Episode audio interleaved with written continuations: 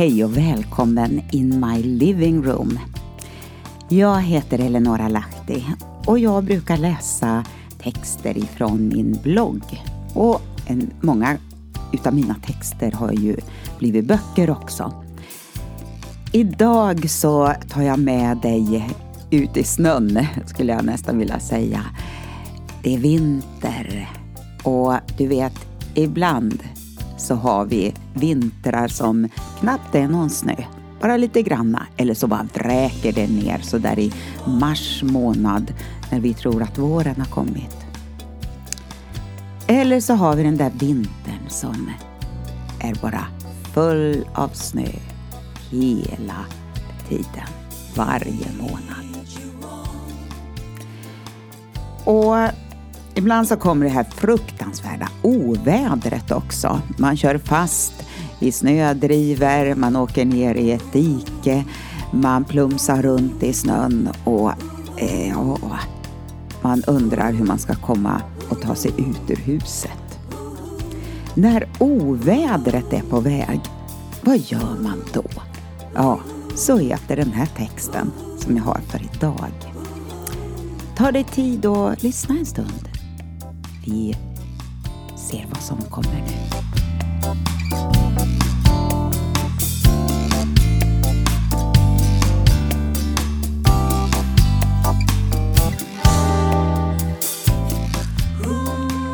Idag har det snöat, snöat, snöat. Kanske inte lika dramatiskt mycket som hos mina släktingar i Luleå, där det kom en halv meter på en dag. Och visst förbereder vi oss på olika sätt. Men ändå är vi nästan alltid överraskade när snön vräker ner. För drygt 20 år sedan kom första snön på min födelsedag Ja, nu är det nog mer än 20, kanske 30 år sedan. Okej, okay, vi hänger kvar här. Ja, men då kom första snön på min födelsedag den 4 oktober. Helt galet tidigt. Men det har fått mig att se till att snöskyfflar och sopar finns tillgängliga. För plötsligt händer det. Traktorn kör förbi på vår lilla väg ute på landet och plogbilarna på de större vägarna. Grannen, han drar igång sin snöslunga och vi, ja, vi skottar för hand. Allt för att våra vägar ska vara framkomliga. Bilen är förberedd med vinterdäck och förhoppningsvis också med isskrapa och sop. Vi har vinterkläder och väl isolerade hus. Och har man eh, grävt ner vattenledningen för grunt i, marken, ja, då kanske vattnet fryser. Men sånt kan fixas med elledningar i rören. Vi vet hur vi hanterar vintern. Och så här är det för oss här uppe i Norden. Annat var det när vi bodde i Israel och det snöade. Inga bilar kunde vara ute och köra. Inga vägar blev plogade och bilar utan vinterdäck är livsfarligt att köra med i det kuperade landskapet. Och skolor och butiker stängdes några dagar och vi satt hemma och eldade i vår kamin som vi var glada över att den fanns i huset. Ja, riktiga vinterkläder var inget som prioriterades men många barn hade plastpåsar på sina vantar så att de skulle kunna leka i snön utan att bli alltför blöta. Och så har jag härliga bilder ifrån Jerusalem där jag ser våra barn lekte ute i snön och gjorde lite snögubbar på gatan. Ja, eftersom Jerusalem ligger så högt upp så kommer det snö någon gång då och då, även om det ibland går år emellan. Men eh, Sverige, ja, vi får allt räkna med att det blir en vinter varje år. På sommaren jagar vi solen på våra väderleksrapporter och på vintern är det snöoväder som vi vill ha förhandsinformation om. Så vi kan förbereda oss och planera att åka till stranden eller vara hemma och skotta snö på vintern. Men väderleksrapporterna ett par dagar i förväg hjälper inte så mycket om vi inte långt tidigare fixat våra hus, bilar och kläder.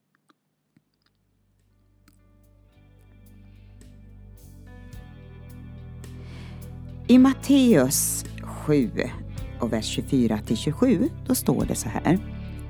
Den som hör min undervisning och handlar efter den är klok. Han liknar en man som bygger sitt hus på berggrunden.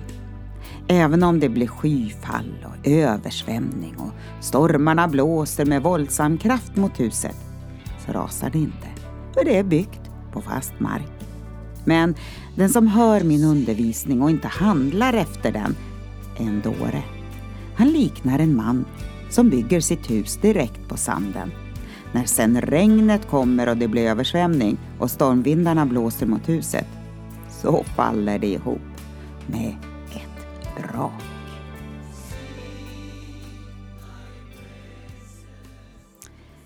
Vi har alla ett ansvar att se till hur vi förvaltar och bygger i våra liv. Vi kan inte skylla ifrån oss på andra eller på våra omständigheter utan vi måste se vad vi har för byggmaterial i våra händer. Vi kan alla se upptagna ut i våra projekt, program och verksamheter. Men kommer det att hålla provet? I Andra Korinthierbrevet 3, 11-13 där står det så här. Någon annan grund kan ingen lägga än den som är lagd, Jesus Kristus. Om någon bygger på den grunden med guld, silver och dyrbara stenar eller med trä, hö och halm så ska det visa sig vad var och en har byggt.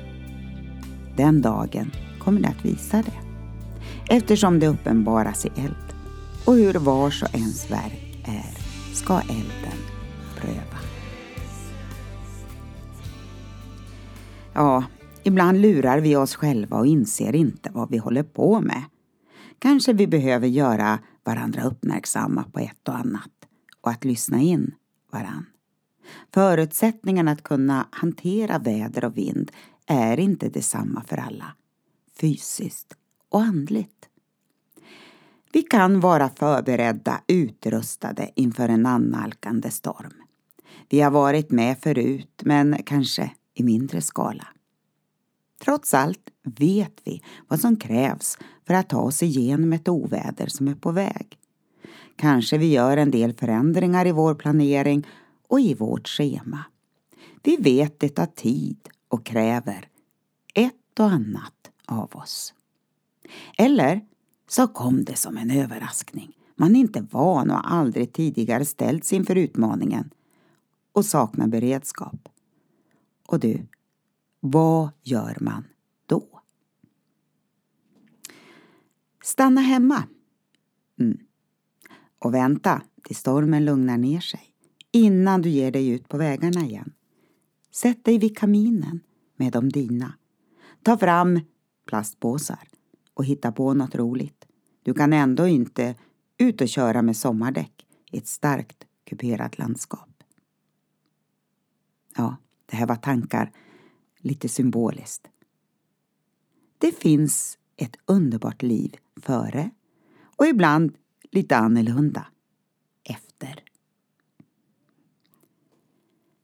När ovädret är över tittar vi ut på ett underbart vackert snölandskap. Vi njuter av renheten, tystnaden och ser hur snökristallerna gnistrar i solen. Kanske var det värt allt besvär i alla fall. Från olika städer i Israel kom busslaster till vår lilla kulle med Vaseret Sion i Jerusalem för att få titta på snön. Några fyllde bilens bagagelucka med snö och åkte hem till Tel Aviv för att visa vänner och bekanta. Ja, du förstår. Det är mycket underbart som kan komma ur förskräckliga väderleksrapporter och när allt oväder är över. Människor kommer för att få del av något man längtar efter och så tar man det med sig vidare för att andra ska få uppleva det man har varit med om. Men du, just nu ligger återigen ett andligt oväder redo att bryta ut.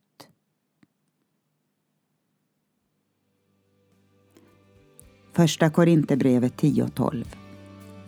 Den som menar sig stå må se till att han inte faller.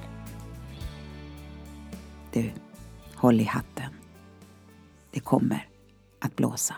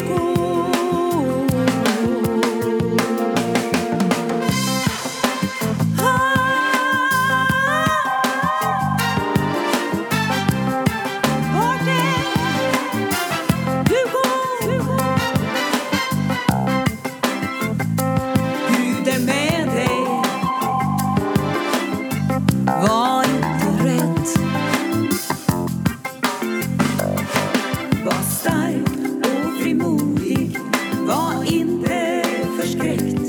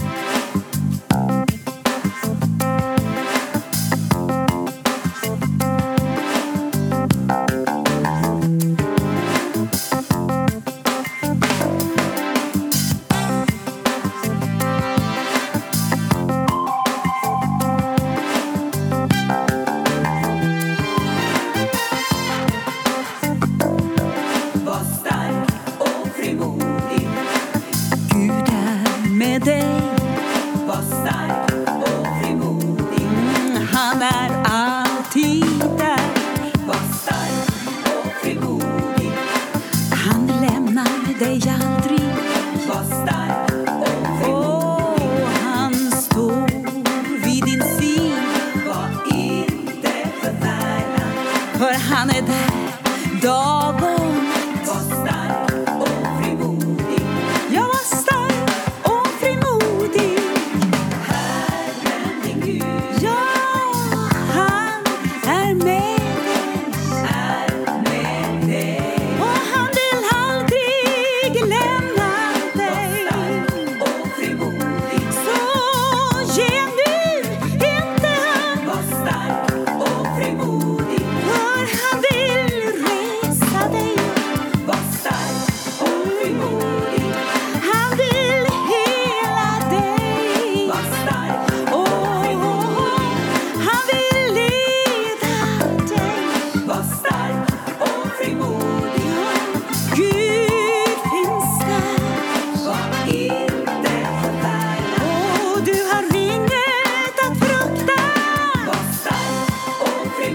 The